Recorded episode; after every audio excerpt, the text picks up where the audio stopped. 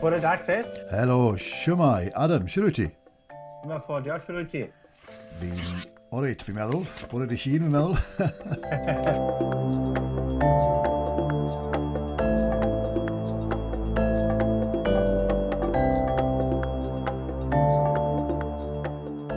Shmai, croeso chi, croeso i cymeriadau Cymru wythnos hon, gyda fi Chris Jones, a fy ngŵr gwadd wythnos hon yw Adam Jones. Nawr, nid Adam Jones y boi sy'n chwarae rygbi, ond Adam, wel, fi'n mynd i anod ti'n Adam yn yr ardd. O hyn mlaen, ti'n mynd i fod yn yn ffôn i o, o Adam yn yr ardd. Felly Adam yn yr ardd, diolch i ti croeso gyda gyd i cymeriadau Cymru.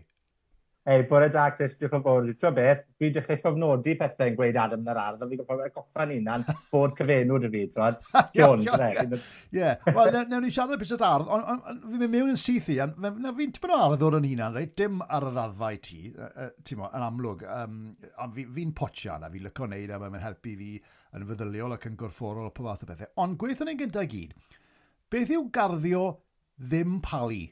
Na mae hwnna i fi yn bach yn alien, achos garddio heb palu Tio be, allan ni wylio am garddio dy palu hyd at bedair awr, ond na i ti ar fod yn gryno fan hyn, felly e, mae e'n mor ddiddorol. Ond jyst i fi nôl i, i dy be wedys i'r y dechrau, bod, o, wi ddim yn arddiwr fel ti, potsian y drwy, right? Wel, potsiwr o fri y drwy hefyd, lycyn i weid na i ddechrau, achos mae pawb dwi'n cwrdd â, wastad yn fel sy'n ni'n, mae fel, ni'n pitio'n hunain, ti'n bod, ni'n gweud, o, wi ddim yn arddwr cystal a tyd, neu, Dwi'n meddwl fel, o, i ddim yn gogi'r cystel a tŷ. Sa'n hwfro cystel a tŷ, ti'n um, Be byddwn ni'n dweud y garddio yw profiad yw e gyd. Y mwyaf ti'n garddio, y mwyaf glas ti'n cael yfna fe. A does dim, bo, does dim ffon fesur o ran pa mor brofiadol neu pa mor ddaw i ti. Mae lot o fe yn cred ffydd ar y tywydd, uh, ar y modau tyfu.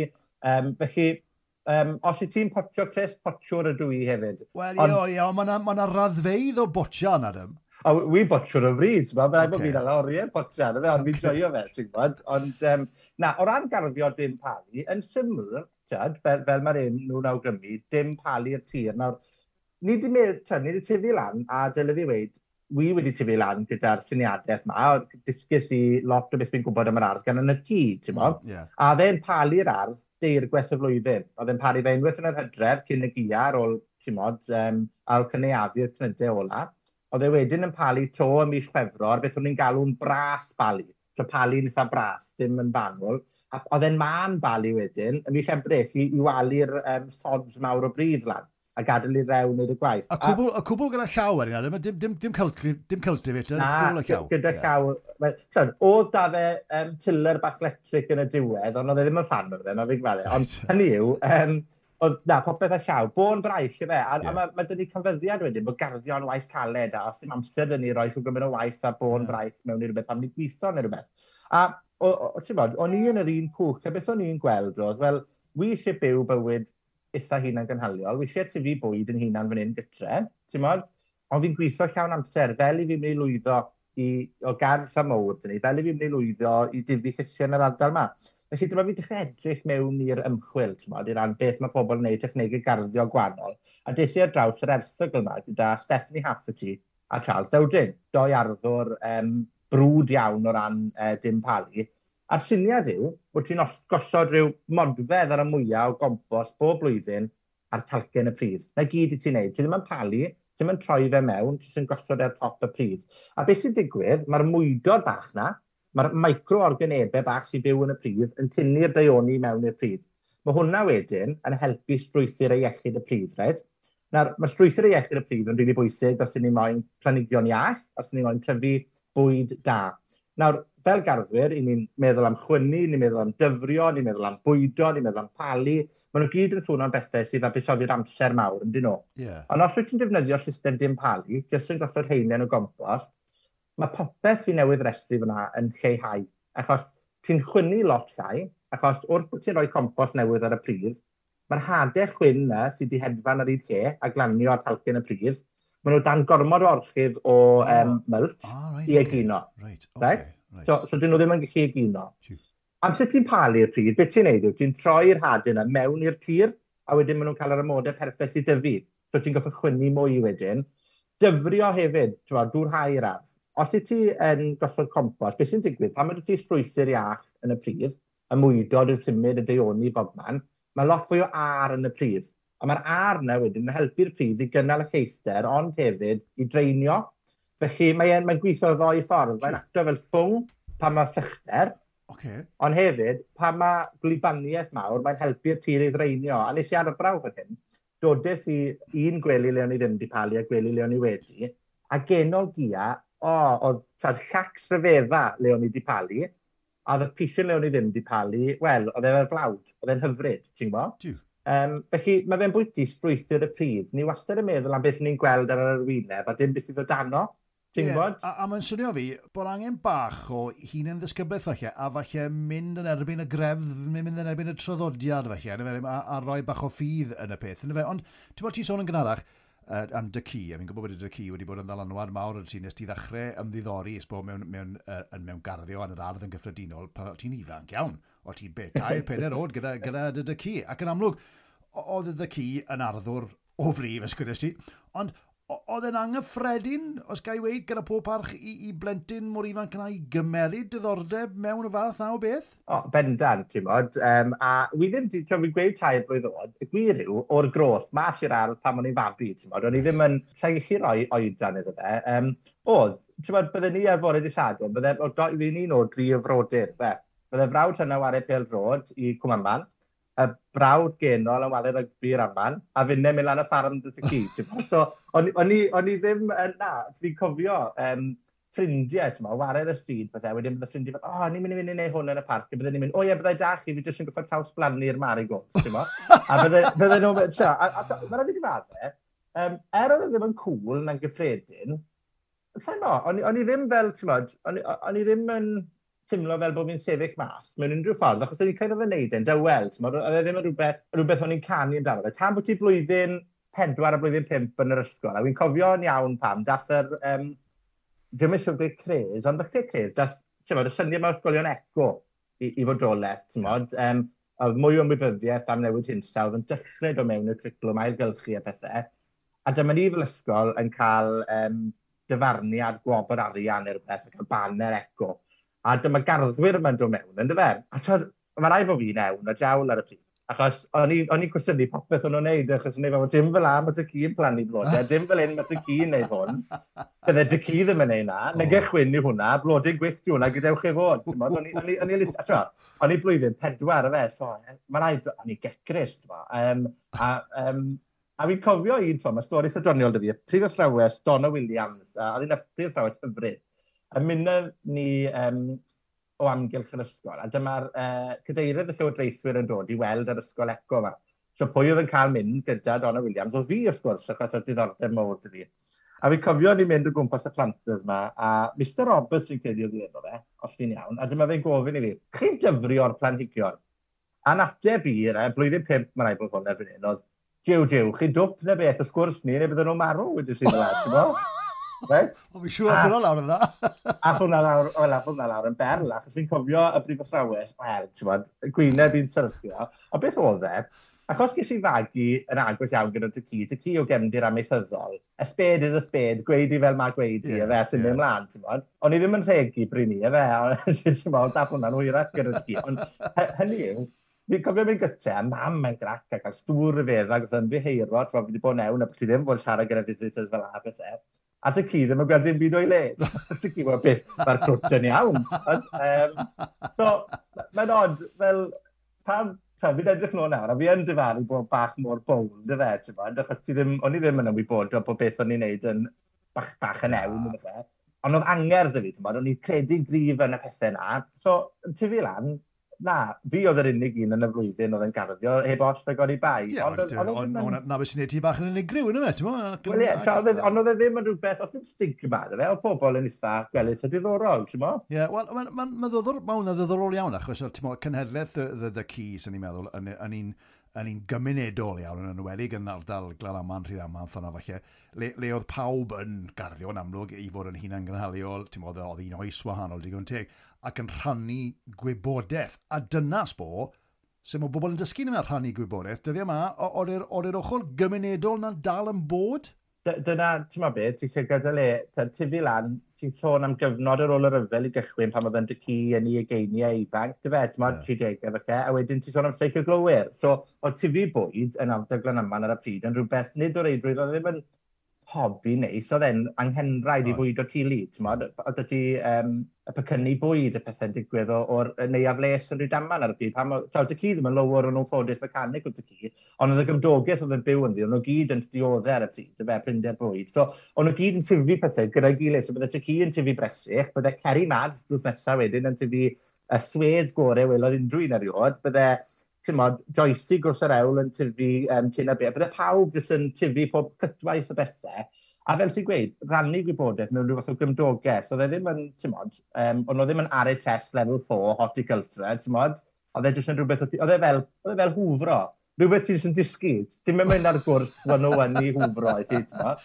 Mae rai ohono ni'n hwfro'n arbennig o dda, mae rai ohono ni'n sobor o wael, y fe, ti'n mod. Um, A ie, yeah, so, so na, ma, mae wedi newid, yna beth gweles i eisiau mwyaf pam bryno ni'n tŷ ni, achos cenedlaeth yn dy cu oedd y bobl o'n i'n trafod garddio gyda, um, ac yn, ti'n modd, yn raddol, maen nhw wedi'n gadael ni, efe, ti'n modd. Um, ond on, dyna beth yw pwrpas allotments, wein, yna fe? Ie, yeah, ond ti'n modd, mae yna ma, gynnen mewn allotments yn yma, mae yna bwyllgor a mae'n gallu sirfioli, ti'n modd, mae'r bobl yn gallu Dwi'n dwi yn broblem yng Nghymru, ond ti'n clywed straeon, ti'n modd, mae pobl yn mynd â chwyn laddwyr neu yn rhoi um, effids mewn tri glas rhywun. Mae yna ma rhyw fath o oh, right. gyffrel cystadlu i gael. Ti'n modd, so um, dyw e ddim mor gymunedol ag y byr. E. Fi'n credu oedd e lot fwy cymunedol pan oedd pawb yn neud e um, yn ei gerddi nhw, pan oedd e'n rhywbeth oedd stepyn y drws, ti'n yeah, gwybod? Um, yeah, yeah. A, a falle bod e'n sort of dachrau yn ôl yn slo bach, achos beth sydd wedi bod yn digwydd yn ddiwedd arna, ni siarad am hwnna, mae'n leiriad, ond ti'n bod ti'n siarad am, am yn dyddi ysgol a bod ti'n bod ti'n eger, bod ti'n ewl, bod bynnag, ond ti'n bod i fi, mae'n ffantastig.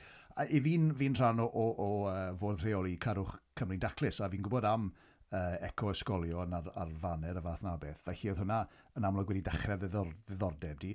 Ond yn amlwg wedyn oedd e'n anochel bod ti yn mynd ymlaen. Neu oedd e'n anochel i bod ti, na gyd oedd ti'n mynd i wneud, felly oedd ochr amethyddol, cem gwlad, garddio. E-, Ys ti goleg wedyn, Adam?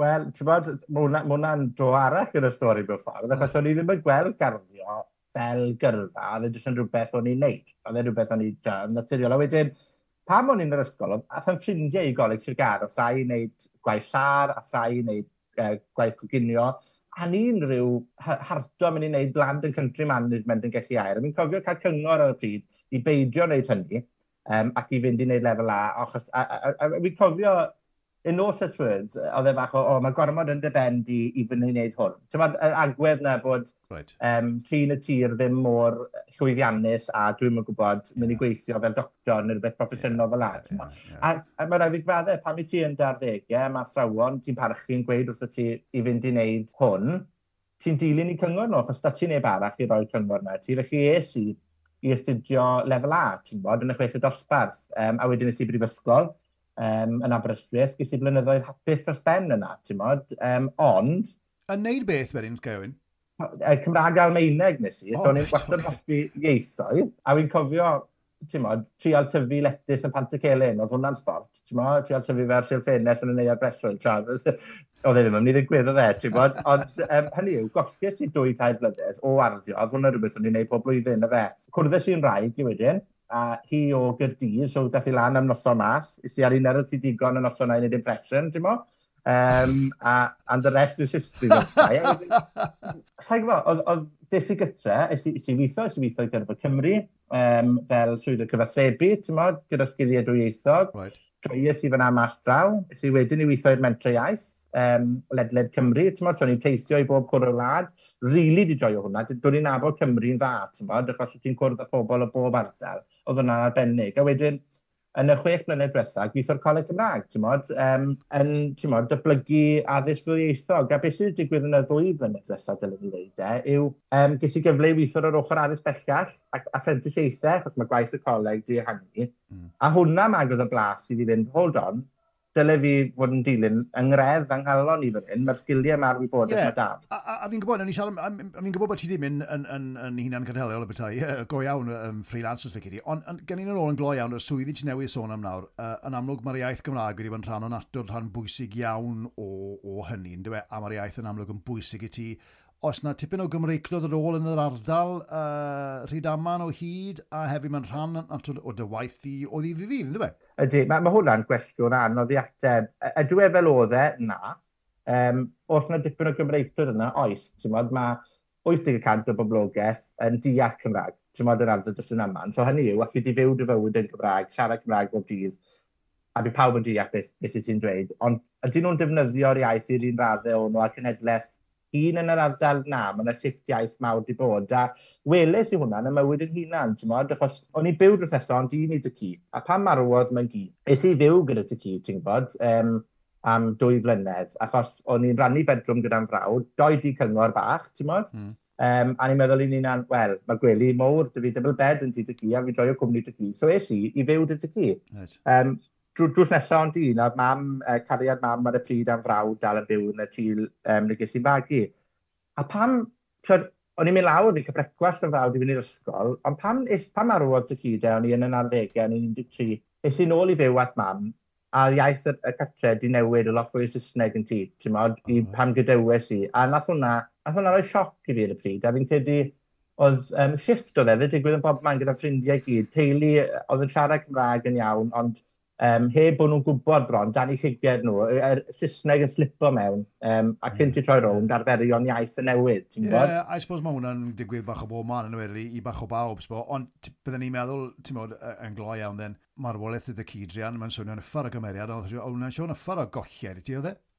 Oedd e'n anferth, ti'n bod, achos hynny yw, oedd, um, tred, oedd e fel cymeriad tad i fi, ti'n bod, achos o mam a fam sengl, so oedd yn dycu, oedd yn, yn, yn, yn rôl model i, ti'n bod, fe o'n i'n dilyn ym hopeth, a so, o'n i'n cwmpa mas, o'n i'n coesa fel cu a cath, cofia, oh, ti'n bod, um, ond on, on, fel, dros bethau fel, ti'n wyt ti'n um, adeiladu ffens, neu sŵt wyt ti'n, pethau ymarferol, ti'n pethau personol, ti'n bod, a, um, a ie, yeah, pam gollwn i dycu, ti'n bod, bydd y dioddau o gancer am spel, a'n cofio, ti'n o'n i'n, oedd Ceili'n gofalu amdano fe, ni byw gyda fe, pan oedd e'n dost, a oedd e'n, oedd e'n, um, oedd e'n gyfnod od i fi yn arddegwr, ti'n modd, achos wedyn nes i nôl i'r ysgol, a ges i ryw fath o, um, fe radicalisation yw e, ond achos gochi sy'n dy cu, dy cu, bywyd dy cu a popeth na'n yn Gymraeg, fe, sy'n gytre, lot fwy o Saesneg o gwmpas, felly es i nôl i blwyddyn naw, achos digwyddodd e dros yr haf, a gwrthos a Saesneg dyn neb, ti'n mo? Um, oh, right, okay. A oedd hi'n yeah. um, ysgol ysgolddwyieithog, so lot o blant dim hyd o'n siarad Cymraeg, ti'n modd, a dim mm. dyna'r ffordd, ond ar y pryd o'n i'n wedi edrych nôl, o'n i'n galaru, a ffordd fi o, o alaru oedd dwi ddim yn mynd i stopo siarad Cymraeg, yeah, yeah. dyma iaith yn hadgu, os dwi'n stopo. Well, yeah, rebelio mewn ffordd, yna fe, ti'n mwyn erbyn, yeah, beth bydde ti'n gweld, oedd yn lladd yr iaith falle, ond e, ti, ti newydd uh, weid, ti'n bod, ti di mynd yn, yn uh, wel, ti di adael dy, o'n i'n mynd i weid, swydd go iawn fan hynna, ond ti, ti di sort of uh, mynd i'r byd uh, freelance fel nifer ohono ni. Oeddi, be bynnag sydd wedi bod yn digwydd yn y ddwy fydd yma wedi, wedi helpu'r penderfyniad na, ti di bwrw i ar amser, ar amser iawn? neu falle'r amser anoddach i fynd yn, yn hunan cyfrannol. Um, Tewa, ydy bobl yn fwy ymwybodol o, o, o'i cymunefoedd a y cymunedau a garddio a hun yn gynhaliol. Wyt ti wedi bod o'r amser iawn i fynd? Oeddi wedi'n scary, Adam? Mae'n mae, mae e'n eithriadol o scary. So, flicin, ti a wneud y penderfyniad, nes y penderfyniad uh, ym mis tachwedd yn y diwedd. Mae'n meddwl, am, achos um, o oedd yn y geisiadau gwaith yn dod mewn o ran yr ardd. O'n i'n trio neud popeth a, a cyflawni dim byd, os yw'n neud sens, yeah, achos yeah. ti'n yeah. trial... A o'n i'n teimlo fyna, dwi'n mynd i cyfiawnder a neb fan hyn, felly dwi eisiau um, rhoi cynnig arni. A dwi'n adeg iawn? Wel, mae rhaid i gradde, o'n i'n meddwl i bod e, ni'n bod y pandemig droso a ran o'r model busnes oedd byddwn ni'n ymweld â chi o ysgolion yn y flwyddyn newydd uh, o ran gweith, gweith garddio. Ac wedyn mae'r yeah. ma, ma boi bach mae Omicron yn, yn, yn ymddangos, ti'n gwybod. Yeah. Um, Ond, fi, fi yn credu, um, heb os na o'n i bai, mae pobl yn fwy ymwybodol o sicrwydd bwyd. Ti'n meddwl pan dath y pandemig i, i gychwyn, silffoedd na wag yn yr archfarchnadoedd, yep. oedd popeth o'n i'n cymryd yn gynnytaol, mynediad at fwyd, wedi cael ei whalu dros nos, ti'n meddwl. Um, a fi'n credu, ta, ma, ma, dim jyst y, y pandemig, mae Brexit, mae lot o bethau wedi effeithio ar um, mynediad ni at fwyd. A wedyn, um, o, twyd, fi wedi bod yn Instagram mo ers 2018, so cyn uh, y pandemig, fynd fe. A um, o pethau cyn y pandemig, oedd nhw'n magu stem falle, ond unwaith dath y pandemig, wel, oedd hi fel rhaidr, ti'n modd, agorodd y chi ddore, o pawb eisiau wneud rhywbeth yn yr ardd, ti'n modd, achos oedd ti'n byd arall i wneud, oedd e, ti'n modd, ti'n stuck yn dy, a, a, a, credu, unwaith ti wedi cael y blas na, a, heb, hefyd trwno'n cliché, Chris, unwaith bod yr um, hedyn a di blannu dy ti o ran yr ardd, hyd yn oed os ti'n cael blwyddyn neu ddoi o ddim wneud e wedyn, achos bod bywyd yn brysur neu rhywbeth yn y ffordd, ti wastad moyn mynd nôl, mae'n y dynfa na, achos mae'r profiad na, mae'r wefr na, o gweld hadau yn y gino. So, mae rai bod fi wedi plannu miliynau o hadau ar hyd yn fywyd, a wi still yn cyffroi'n lan i weld yr hedyn cynta na yn y gino. Oh, yeah. Mae just, mae just, mae ma fel, yeah. ma fel clywed clychu'r ice cream fan, ydw e, gan yr haf. Mae fel, waw, ti'n A, ie, yeah, so, um, fi'n credu, o, o ran, does beth amser iawn y lle, mae rai bod ti wedi gwneud hwn, Chris. Wel, na, na, o'n i jyst yn mynd i weid, ti'n bod, cymerodd o hen fwy fel fi sydd wedi bod yn freelancers blynydde mawr, fi'n meddwl bod y amser iawn, fe ti'n gweud, um, a se ti ddim wedi gwneud yr amser hyn, falle, fe ti wedi aros ac aros ac aros, a wedyn bydde ti wedi mynd wel dim rhy hen, ond bydde ti wedi difaru ti'n meddwl fel. So na, pob parch i ti, a mae'n cymryd lot fawr o gyts, a mae'n gweud lot am ddygymeriad i beth ti wedi wneud y naid yma.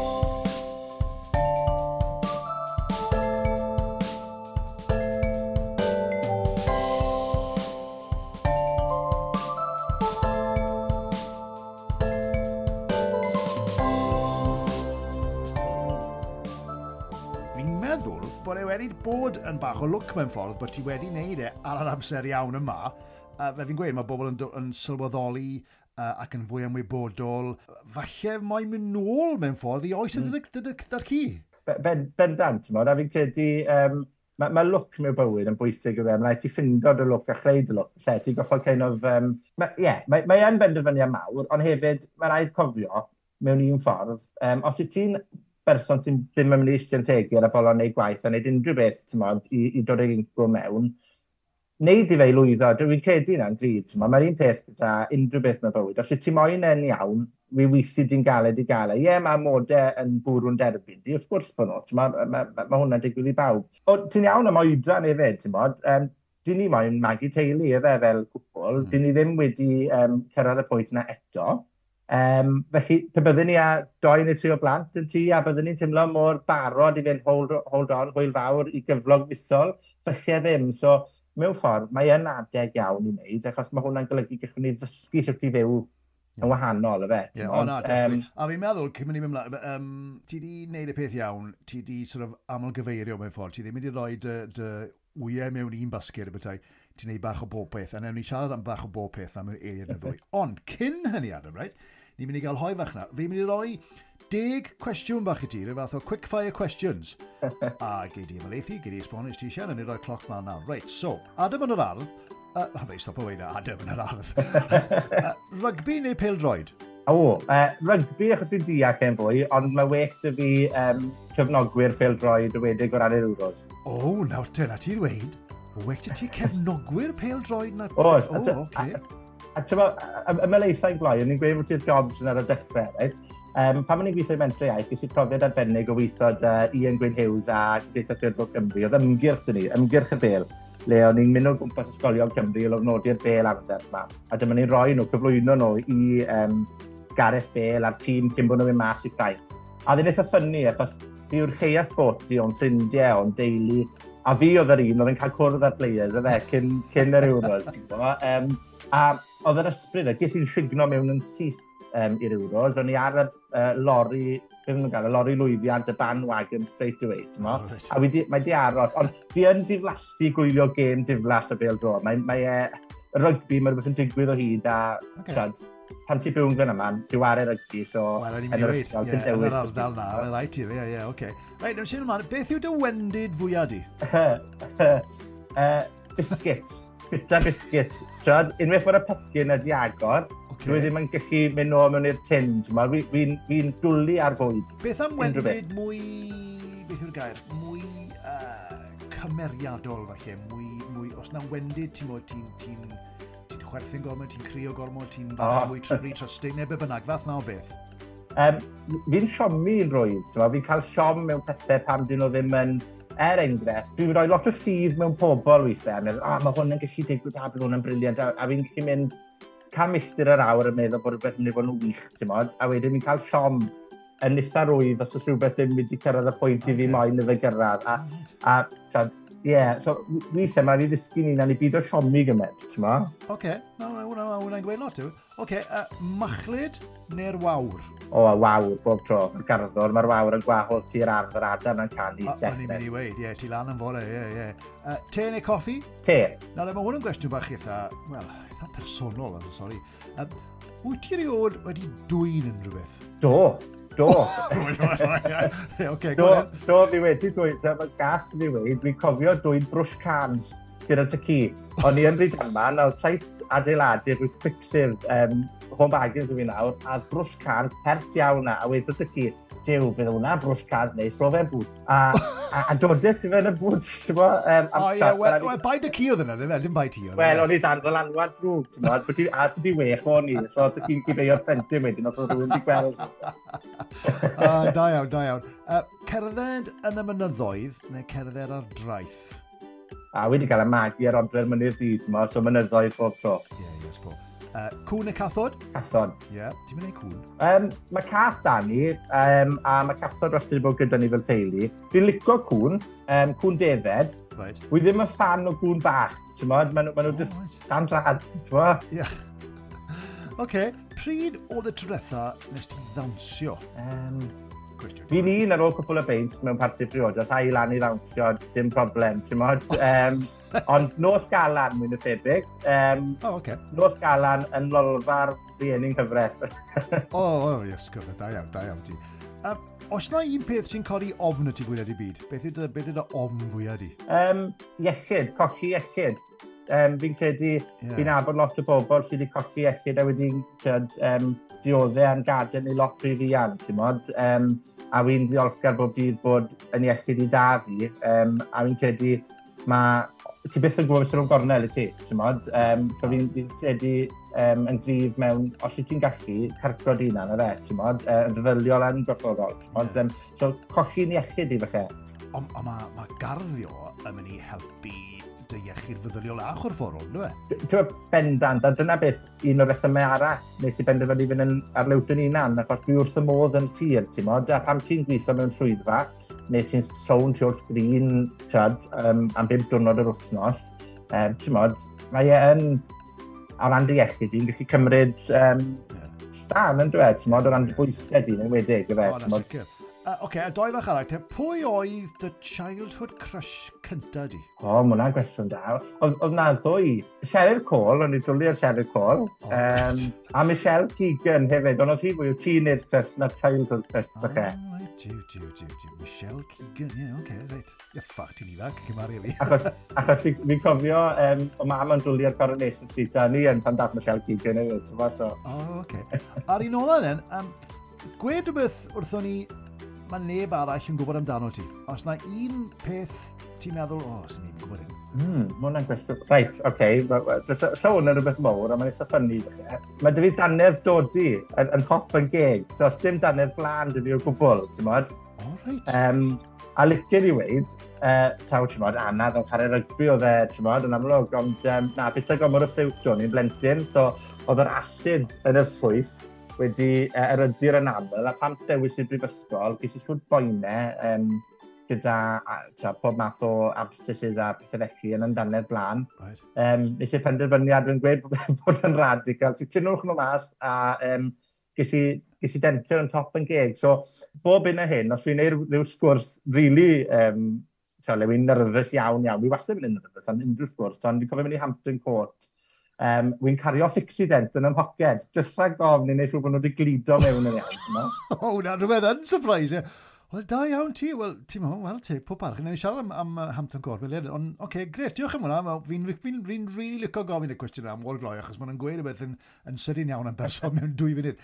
Glyw, gael ni ni'n ôl garddio garddio'n iawn, na mae lot o, o um, ddadl wedi bod yn sef, mae lot o bobl yn, yn angytuno falle ynglyn â defnydd cemegau pesticides y fath na o beth. Nawr, wyt ti cant y cant yn erbyn y fath na o beth, neu os na le iddyn nhw? Um, dwi erbyn hyn yn dw. Uh, dwi cant y cant yn erbyn hyn. Nawr, wech mlynedd yn ôl, o'n i'n garddio fel yna. O'n i'n defnyddio pellets malwod, o'n i'n defnyddio sprays i atal lindys, o'n i ddim yn garddio yn organig, dim fel arfer yn hatci'n garddio. Ti'n modd, ges i'n ysgu um, os oes problem, mae yna spray i sorto fe mas, ti'n mo? Mm. Um, A beth, beth o'n i wedi sylweddoli oedd bod yr ardd yn dirywio, bod bioamrywiaeth yr ardd yn gweithygu, bod mwy o broblemau dydy, dim llai, achos o'n i'n mynd yn ddibynnol ar y cymegion hyn, o'n i'n gweld bod y planigion o'n i'n tyfu yn fynd yn wannach os y tir wedi gwenwyno. Felly, ni'n meddwl mewn ffordd, mae'n mae ateb tymor byr, defnyddio cymegion, mae iawn gewch chi gnwd arbennig yn y flwyddyn honno, ond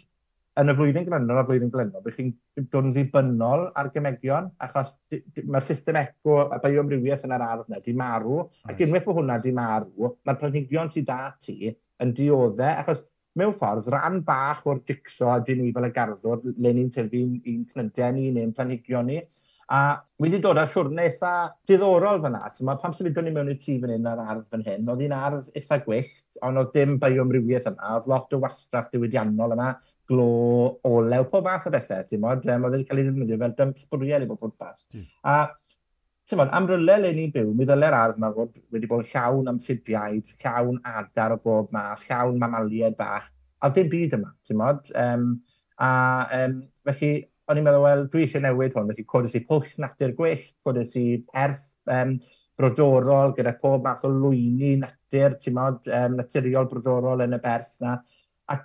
Tywed, ni, ni beder mlynedd mewn erbyn hyn, a mae'r ardd llawn adar, a dim dys un math o aderyn, dim dys robin goch, mae'r titw cymffon hir dy fi, mae llwyd y berth dy fi, mae'r fronfres, mae'r llun o swerdd dy fi, mae trach ei enwi fydd y glith yr ardd sy'n dod mewn i'r ardd, mae'r dreinogod wedi ymgytrefu yma, mae gwadd, gwaddod yma, dwi'n rili'n i'n croesawu'r un yma, mae'r gwaddau, ond maen nhw yma, um, ond maen nhw'n rhan o'r cilch eco yna, ti'n modd, mae mae brogaid amphibied uh, madfach y dŵr dy fi. Mae dy fi um, mod, pob ath o nadrodd nawr yn byw yn y berllan i hunan. Pethau o dim Mae'r ma wiber wedi bod yma hefyd, mod, pethau sydd wedi dod nôl i'r ardd. A fi'n credu, i fi, dwi wedi gweld yr ardd yr un mor lywyrchus blwyddyn ar ôl blwyddyn, os nad mwy llywyrchus, yn ddim yn defnyddio cymegion yn symud i'r system organig, okay. a mae dim palu yn rhan o hwnna, ti'n gwybod?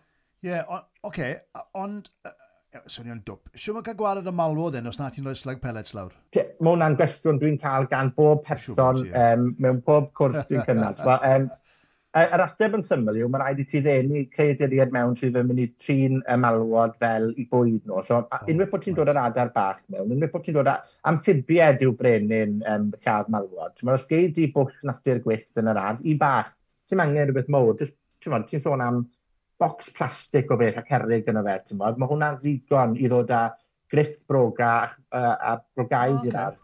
A unwaith bod nhw wedi sefydlu yn yr ardd, a dyna dwi'n gweld, maen nhw yn bwyta'r malwod a pob math o bethau yna. Ond hefyd, dwi yn gwneud un peth, dwi yn mynd gyda'r nos, a fflachlamp yno, a, a, a, ta head torch, a par y sisiwn, ac yn torri unrhyw lithod neu slugs dwi'n gweld yn ei hanner. A mae hwn yn swnio'n rwthles iawn, dwi'n gwybod iawn. Torri yn ei hanner?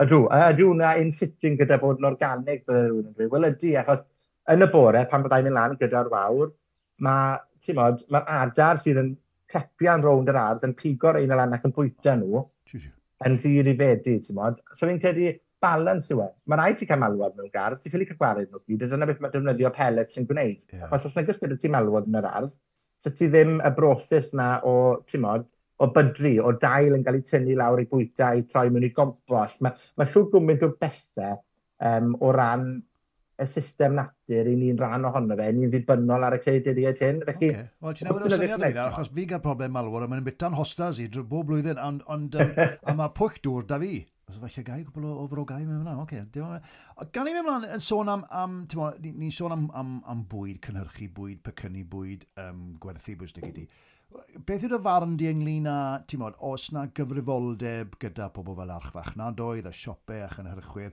i, i gyfrannu tuag at y broblem y wast gyda gyd, achos ti'n gweld, ti'n ti clywed y pofath o straeon ynglyn â pofath o fwyd yn cael ei wastraffu.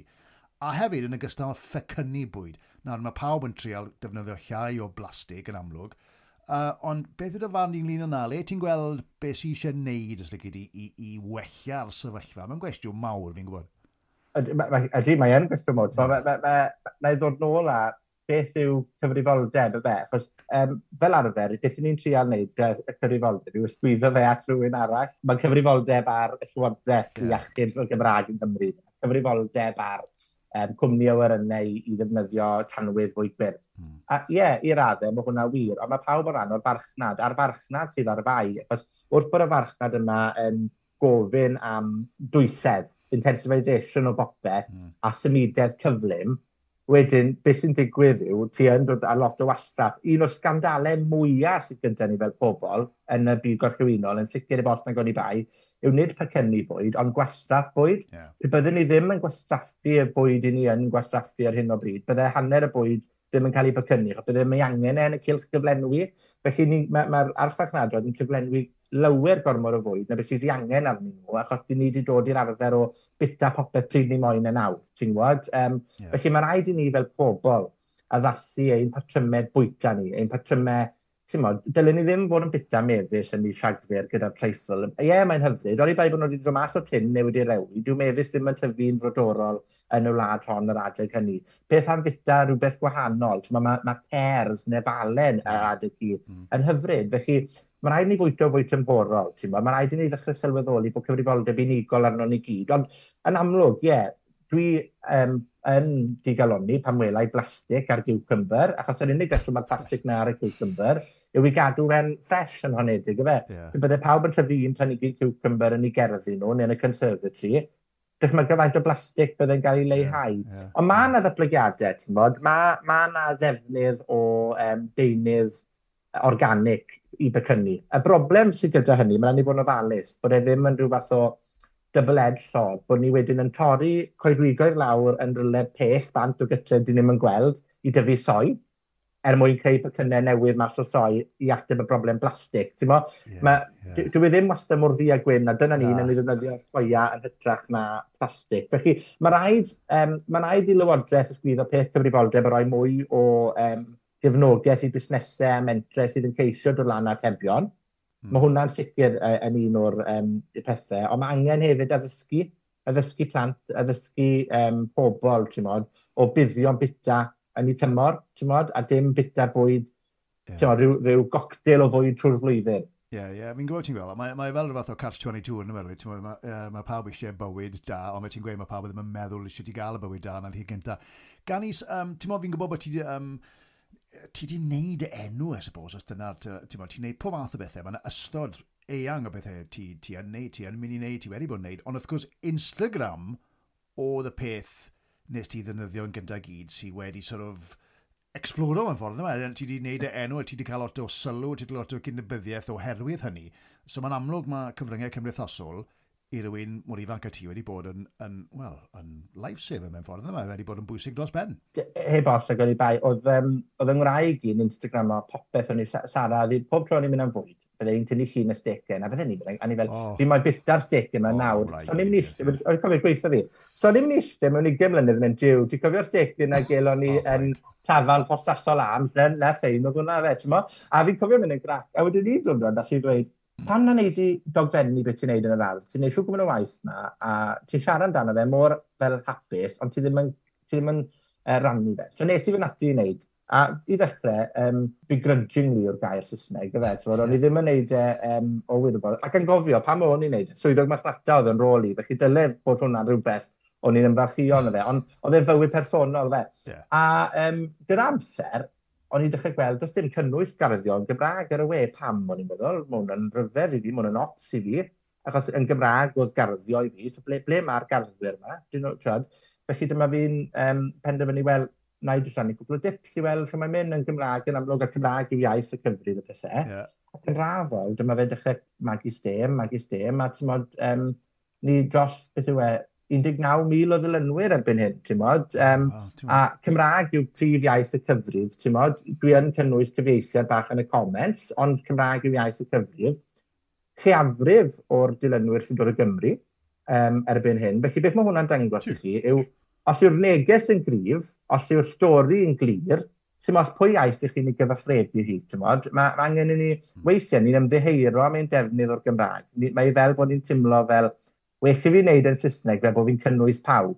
Ond ti jyst yn garddo'r Saesneg arall wedyn, mewn môr o miloedd ar filoedd o arddwyr Saesneg eraill. Yr, er, er hyn mae Instagram di wneud i fi yw roi unigrywydd. Mae wedi creu rhywbeth unigryw, ti'n bod? Okay. Achos doedd okay. na ddim, do na ddim cynnwys Cymraeg ar gael. Ac wedyn, fel ti'n gweud, dath hwnna sylw wedyn i'r gwaith a'r wybodaeth. A dyma fi'n dechrau sylweddoli bod na, bod na werth i'r wybodaeth o da fi. Ond i ddim rili, really, tra ti'n sôn bod coleg ar y dechrau, o'n i ddim yn gweld gwers i'n sgiliau garddio. I oedd e jyst yn rhywbeth o'n i'n neud, fel bydde rhywun yn hwfro al cyd, ti'n modd? No, um, ond mae bobl arall wedi dechrau gweld gwerth na hefyd, ynddo, achos ti'n gwybod, ti'n neud pethau Radio mm. Cymru a Panhawn Da a heno, ti'n hyfforddi, ti'n ymgynghori, ti'n neud y fideos ma, ti'n neud siarad cyhoeddus, fe ti'n siarad yn Hampton Court o ti'n gweithio, wel, arnaf, hwnna'n big deal, Adam.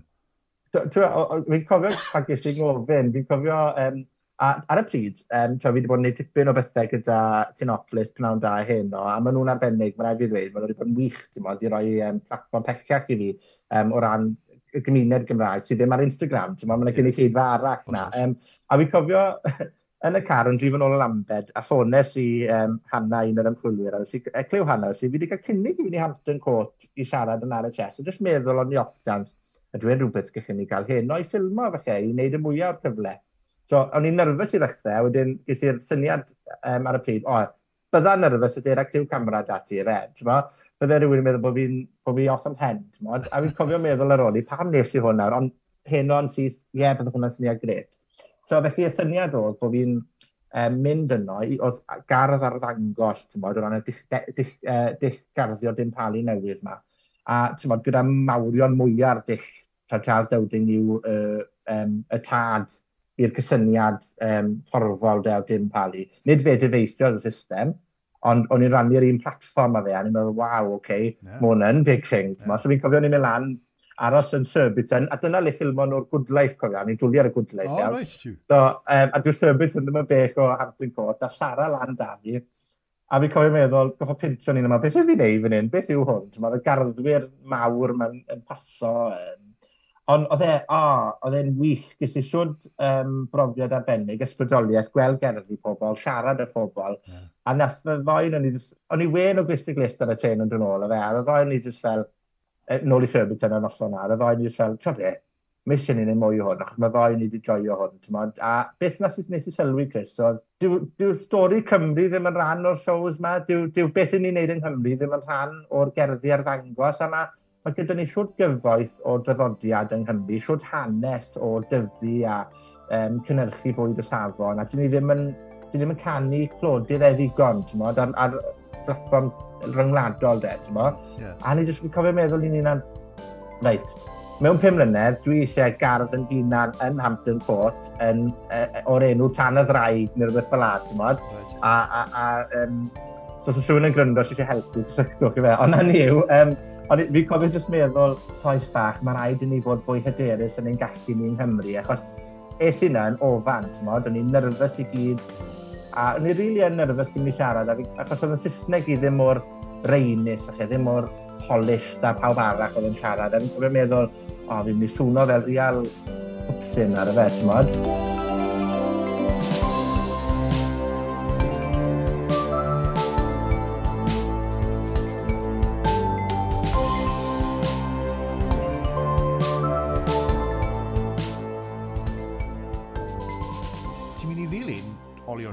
doi bersones i weithio gyda sal gwaith, Medwyn Williams a, a Clay Jones, ti'n meddwl, ddoi, ddoi, yeah. ddoi frenin fyna, felly mae yna le yn amlwg i rwy'n ifanc o Gymru i wneud fath na o beth. Oedd, mae ma Medwyn, en, mae beth, fi'n cofio lot ar Clay yn anffodus, a Medwyn yn sicr, ti'n meddwl, as in, um, mae ma beth mae med, ma, nath Medwin am fonhadau tomatos a daedd rai goch, ti'n meddwl, war y teg, mae ma, ma beth mae fe wedi llwyddo i wneud yn anhygoel y fe. Ond fi'n credu, y pwynt fi treial neud yw, mae rhaid i ni gofio bod beth sydd dan yng Nghymru, pobl fel Medwyn, yn bethau dylen ni ymfalchuon fawr yn ddyn nhw, ti'n modd, a traddodiad mowr. Ond mae rhaid ni fod yn barod i rannu hwnna tu hwnt i Gymru hefyd, dde, ti'n modd. Dim... A, a rhannu, ti'n newid sôn am rhannu, so fi'n dorri ar draws ti. Ti sôn am, am, am rhannu, ti hefyd wedi dod yn awdur. A ti'n mynd i rannu, dy, dy, dy, beth yw enw'r llyfr? Derau Dyfu. So, llyfr i blant, dwi'n e, ie? Ie, do. Amser un blwyddyn diwethaf gwblis ysgrifennu di'r ei dyddi, a um, y syniad oedd ni wastad moyn gyhoeddi cynnwys garddio, ti'n modd, yn Gymraeg. Y llyfr diwethaf i gael ei gyhoeddi yn Gymraeg oedd nôl yn y 60au o ran garddio, ti'n modd? Um, o ran, o ran llyfr unigryw, ti'n modd, yeah. wedi awduro gan, gan berson o Gymru, dim addasiadau.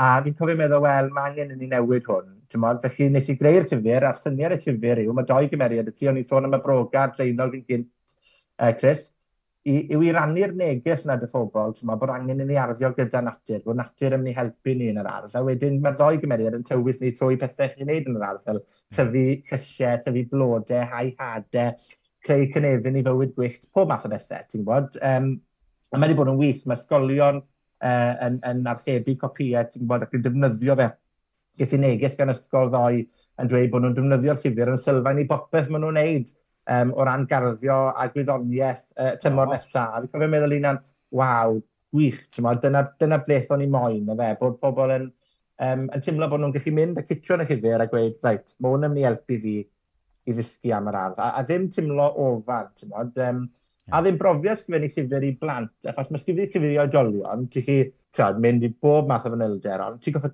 crafu fe gyd nôl a symleiddio fe. Yeah, yeah. Hwna'n anodd. E. Ie, yeah, mae hwnna'n grefft yn ei hunan, yna fe. A ti'n ti sôn yn gynharach ynglyn â uh, mae garddio yn helpu gyda yr ochr gorfforol yn amlwg a'r ochr feddyliol. Mae lot o bwysles dyddi ma'n dos a, a iechyd meddwl y fath na o beth.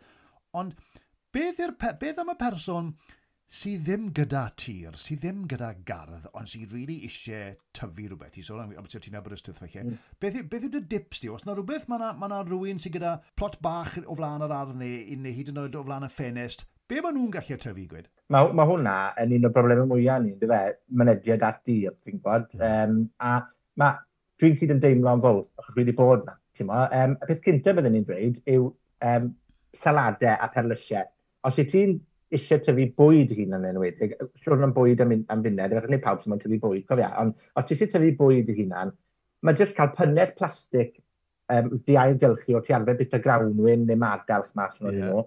Llanw hwnna bach o gompos a rhoi hades bigoglis, neu pedwar o reina gwed, a cynaeafu hwn wthnos 1, wthnos 2, wthnos 3, wthnos 4, a beth weli di yw, mae'r un yn wthnos 1 wedi tyfu erbyn bod ti wedi cynaeafu un yn wthnos 4, a mae dy ti cyflenwad o sbigoglis am y flwyddyn gyfan. Mae'r meddyla di Un o'r pethau sy'n cael ei wastaffu fwyaf sy'n llawn plastig yn y ffrid yw baby spinach leaves, neu roced, neu mm. lettuce, achos maen nhw'n gwywo, ti'n mo?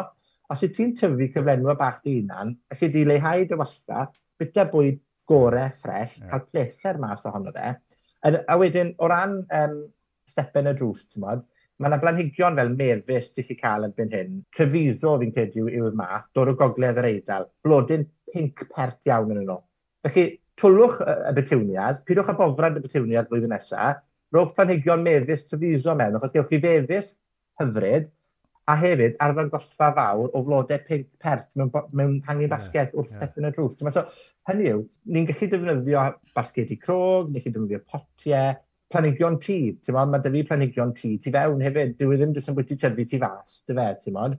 A er falle o'n i'n sôn bach yn y gyddol am y traddodiad uh, rhandiroedd a allotments, mae pethau wedi newid erbyn hyn. Ti'n gwybod, mae yna lot fwy o gerddi cymunedol i gael, um, sydd ddim o reidrwydd um, a pwyllgor, a ma' raid i ti gyd yn ffurfio ar y reolau tyn, right. ond ti 'llu jyst mynd na i blannu, plannu yeah, cod, yeah, plannu ffrwythau. A, a, a na besisa yna fan hyn, mae bol yn mynd i gael, ti'n mynd i cael ei roi off. Ond ti'n sôn am petunias yn gloed yn ei orffen, nid just tyfu llysiau a ffrwythau, I suppose, mae bobl yn lyco tyfu blodau, a mae rhywun mm. wedyn yn neud swydd gwahanol iawn yn nhw, ynglyn â'r atyniad i'r gwenyn y fath a beth. Mae hwnna'n byd gwahanol eto, yn dweud, really? O, bendant, a, fi wrthi'n datblygu'r ardd flodau fan hyn gyda ni nawr. So, mae gyda ni y pisi cysiau, a mae gyda ni pisi salt sylweddol yr ardd, bydd yn forderi blodau i gyd. Felly, digwydd bod, fori, byddai'n plannu border o blodau geia. Felly, blodau sy'n blodeio, pethau fel daffnis a mahonias a grig a pob math o camelias, pob math o flodau sy'n blodeio rhwng diwedd Tachwedd a ebrych, ti'n modd, di dod o bach o liw i ddiflastod y geiafau, e, ti'n modd. Yeah, yeah. Felly, mae ma blodau, mae ma, ma ymchwil yn dangos, mae gweld gwyrdd ni a lliw yn gallu codi hwyliau ni, sôn am iechyd meddwl. Mae'n fwy na jyst yr ymarferiad o arddio, mae jyst gweld e yn okay. gallu codi'n hwyliau, ti'n modd. Yeah, a um, mae gwenyn dy fi fyd, fe, so mae tri cwch gwenyn dy fi top o berchian. Um, oh. Felly dwi'n wynynwr newydd ers blwyddyn diwetha. Um, ar ôl bod uh, cwrs Gwenyn Griffith? ar ôl bod ar cwrs Gwenyn Grisiff, ie, yeah, um, cwrs a hanner am y Gwenyn Grisiff a cwmni Gwenyn Grisiff, um, a dwi'n wedi talu fi i weid hwn, ond hynny yw, um, gwmni arbennig. Ma, maen nhw'n lleol i ni, a dwi wrth y modd yn gydweithio. Hmm. Na, maen nhw'n fe, es i'n am ddyrnod, a ges i groeso, a then nes i fwynhau mas draw. Byddwn ni wrth y modd yn neud e, amser a lle i'r broblem yna fe. Ei, Clyw, cyn i'n gorffen, fi'n mynd i roi cwiz bach i ti nawr, yn glo iawn, am, wel, am arddio, os bo, am arddio llysiau yn arbennig. A fi'n siŵr, nid i trwy'r ein yn, yn rhwydd iawn, reit? So, wnawn ni roi bach o gerddoriaeth ma nawr, reit? Be fysa ti'n defnyddio i fwydo garlleg? Mm, hwnna ni'n uh, anodd yn ei roi potas, potentially. Na, na ti, dyna'r ateb o dda fi. Ie, yeah, potas o dda fi, ie. Yeah. Gobeithio bod ti'n mynd i gael yr brein i gyd yn iawn. um, cwestiwn 2, de, pa fath o lysein yw'r Queensland Blue? Oh, Queensland, Queensland Blue. Ei, mae hwnna'n un anodd. Gallu fe fod yn dymatsen, gallu fe hefyd fod yn squash neu cucumber. Squash? Ti'n gwybod y yeah, stuff, boys? Ie, ni'n meddwl, fel arfer, enw fel allan o. Ie, yeah. yeah, o, da iawn, rai. Na, mae hwn yn un diddorol, a na ni ddim yn gwybod hwn. Y pepper chili capiscum, yma, Papis, capiscum, ond ymha swydd, swydd go iawn y bethau bob dydd, fydde ti'n debygol o ddefnyddio darnau bach, bach, bach o'r chili capiscum yma. A mae capiscum chili uh, yn, yn boeth iawn, wrth gwrs. O. Oh. Na, na i roi dewis i ti, reit? Wel, ie, mae'n cyfnod llais. A fe, ie, a i fe uh, cyfrifydd, dyn tân, peilot neu plisman a meddwl mae cypisgym yn boeth. Mae'r angen fi'n meddwl, mae'n gweud cyfrifydd, achos hwnna yw'r un fwyaf fel anghyffredin. Na, ond na, na, na, na, na, i weithio ti beth yw e. Maen nhw'n defnyddio darnau bach o pepper chili cypisgym mewn pepper spray. Ac wrth gwrs, wow. plisman sy'n defnyddio pepper spray. Ddoddorol, dwi'n e? yeah. ddim yn gwybod na. Dyna beth yw'r pepper, den, y yeah. pepper spray. Ie, ie, ie. O, hwnna'n rili ddoddorol, ddim gwybod na. Rai na fe. Byra, byra fi dyfu peth a cael contract a hyfnyd efo pywys. Wastad yn meddwl am y cyfle nesaf, dyn, wel, da iawn ti.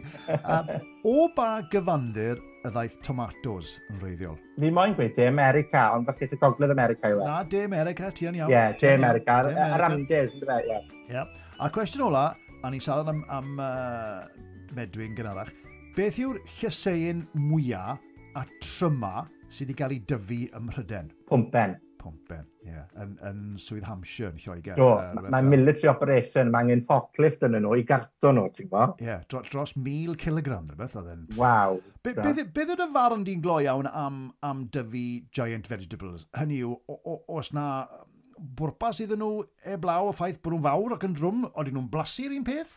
Mae wastad bwrpas os oes rhywun yn cael mwynhad mas o fe mae'n ymwneud â tyfu fe. Um, na, dwi ddim yn fan yn hunan o dyfu'r llysiau mwyaf, ac dwi'n teimlo fel bod yr rai lleia a dwysedd blas. Weithiau, dwi'n bod ti'n tyfu fel um, tomato, mae rai bach, er, tywed, y glipfau neu'r cherry de, yeah. lot fwy dwys a melus o ran blas i gymharu a bistic mowr, ti'n mor. So, yeah. dwi, dwi wastad yn credu yn yr ardd y llysiau lleiaf i bob pwrpas. Um, dwi'n defnyddio hwn fel esgus weithio fyd, os yw'r llysiau ddim wedi tyfu cystal efo, ond y llysiau lleiaf sy'n dod ar blas mwyaf. Felly fi'n okay. dieddol o ffafrio, mae bola'n gefen, dyna'n ethos i, so fi'n ffafrio blas dros maint. Fesa'r pwmpen na, ddim yn blasu nes iawn, sef? E? Wi'n meddwl bydde fe'n eitha um, bland, ti'n gwybod, achos mae'n tim digon o, mae'r planigyn ydy roi siwt egni i difu. Yeah. os digon o dywydd da i'r siwgr na yn y bwmpen i, i droi, neu start i droi'n siwgr de, i, i felysni fe, ti'n modd. Um, yeah, yeah, yeah. Ddim yn credu bod na. So, yn ein yeah. hinsawdd ni, Felly yeah. yn California, bydd hi'n ateb gwahanol. Ie. Yeah. O, diddorol. Wel, ti'n amlwg yn gwybod y stwff yna. Da iawn ti, dys ti dda iawn yna.